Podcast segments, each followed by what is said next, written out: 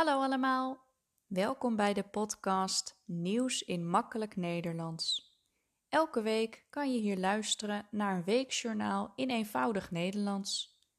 Ik probeer redelijk simpele woorden te gebruiken en duidelijk te spreken.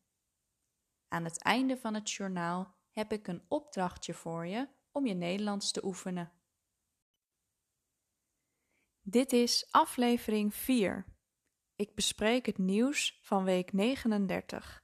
Let op, dit is een selectie van het nieuws, het is dus niet compleet. Afgelopen weekend, dus het weekend van 25 september, waren er problemen met de Corona Check app. Deze app heb je vanaf die dag nodig om binnen te komen bij een restaurant, theater of andere locatie. Met deze app kan je een QR-code aanmaken als je bent gevaccineerd tegen corona.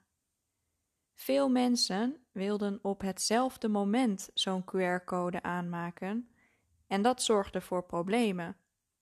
En ook was er een cyberaanval op de servers. Door al deze problemen mochten veel mensen niet naar binnen bij een locatie, want ze hadden geen QR-code en ze konden dus niet laten zien dat ze waren ingeënt of gevaccineerd tegen corona. Um, maar gelukkig zijn nu alle problemen weer voorbij. De supermarkt Jumbo opent steeds meer speciale kletskassa's. Dat zijn kassa's waar de klanten kunnen praten of kletsen met de cashier. Dat kan prettig zijn voor mensen die eenzaam zijn, zoals sommige ouderen. In 2019 is de eerste kletskassa geopend in de plaats Vlijmen in de provincie Noord-Brabant. Over een jaar moeten er 200 kletskassa's zijn. Deze kassa's komen op plekken waar veel mensen eenzaam zijn. Een mooi initiatief. Afgelopen week was de Week tegen Pesten. Dit wordt elk jaar in september georganiseerd. Pesten betekent bijvoorbeeld iemand uitlachen, grapjes over iemand maken of zelfs iemand slaan of schoppen. Veel kinderen worden gepest op school, bijvoorbeeld als ze er anders uitzien of een ander accent hebben. Maar ook volwassenen kunnen elkaar pesten, bijvoorbeeld op het werk. Dan halen collega's bijvoorbeeld alleen koffie voor zichzelf en niet voor jou. Het is erg belangrijk dat er aandacht is voor dit probleem. En dat was er dus deze week. Er waren verschillende activiteiten. Bijvoorbeeld um, op scholen werd er veel gepraat over dit onderwerp. En ook waren er voetbaltoernooien om kinderen samen te laten spelen en ja, samen te laten werken als een groep. In het Verenigd Koninkrijk zijn er grote problemen bij tankstations. Een tankstation is een locatie waar je kunt tanken, dus waar je je auto brandstof kunt geven. Mensen staan soms uren in de rij voor benzine of diesel. Is er dan te weinig brandstof in het Verenigd Koninkrijk?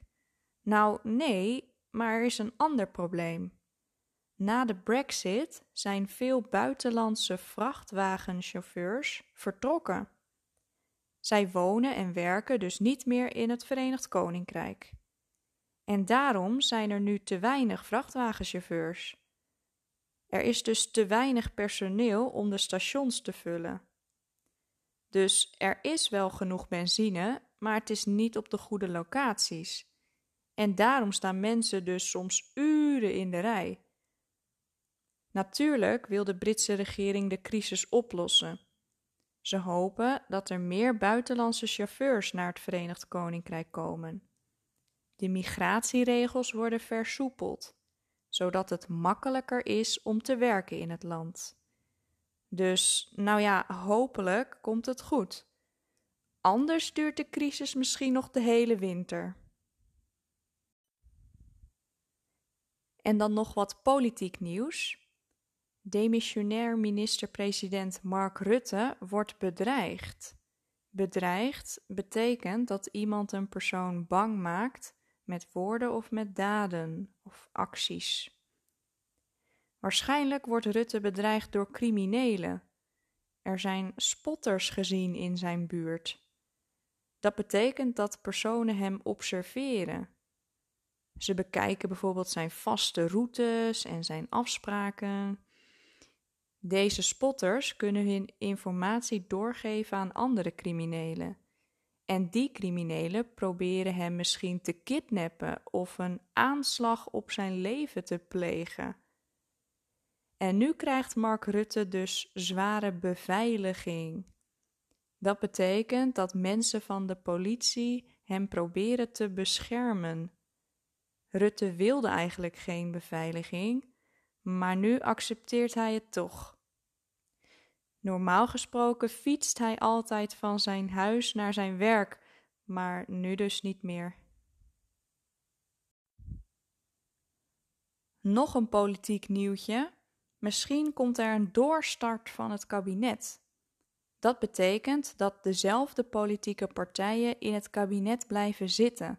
Dus de VVD, het CDA, D66 en de ChristenUnie. Eerder zei D66-leider Sigrid Kaag dat ze niet met de ChristenUnie in het kabinet wilde, omdat ze het niet eens zijn over medisch-ethische kwesties zoals abortus en euthanasie. Maar nu wil D66 misschien toch verder met de ChristenUnie. Het formatieproces duurt al erg lang en ze wil niet dat er nieuwe verkiezingen moeten komen. Want dan duurt het nog langer voordat er grote beslissingen kunnen worden genomen. Deze week was het erg druk op de weg. Er stonden veel files. Het was zelfs drukker dan dezelfde periode in 2019, dus voor corona. Veel mensen gaan weer naar hun werk met de auto.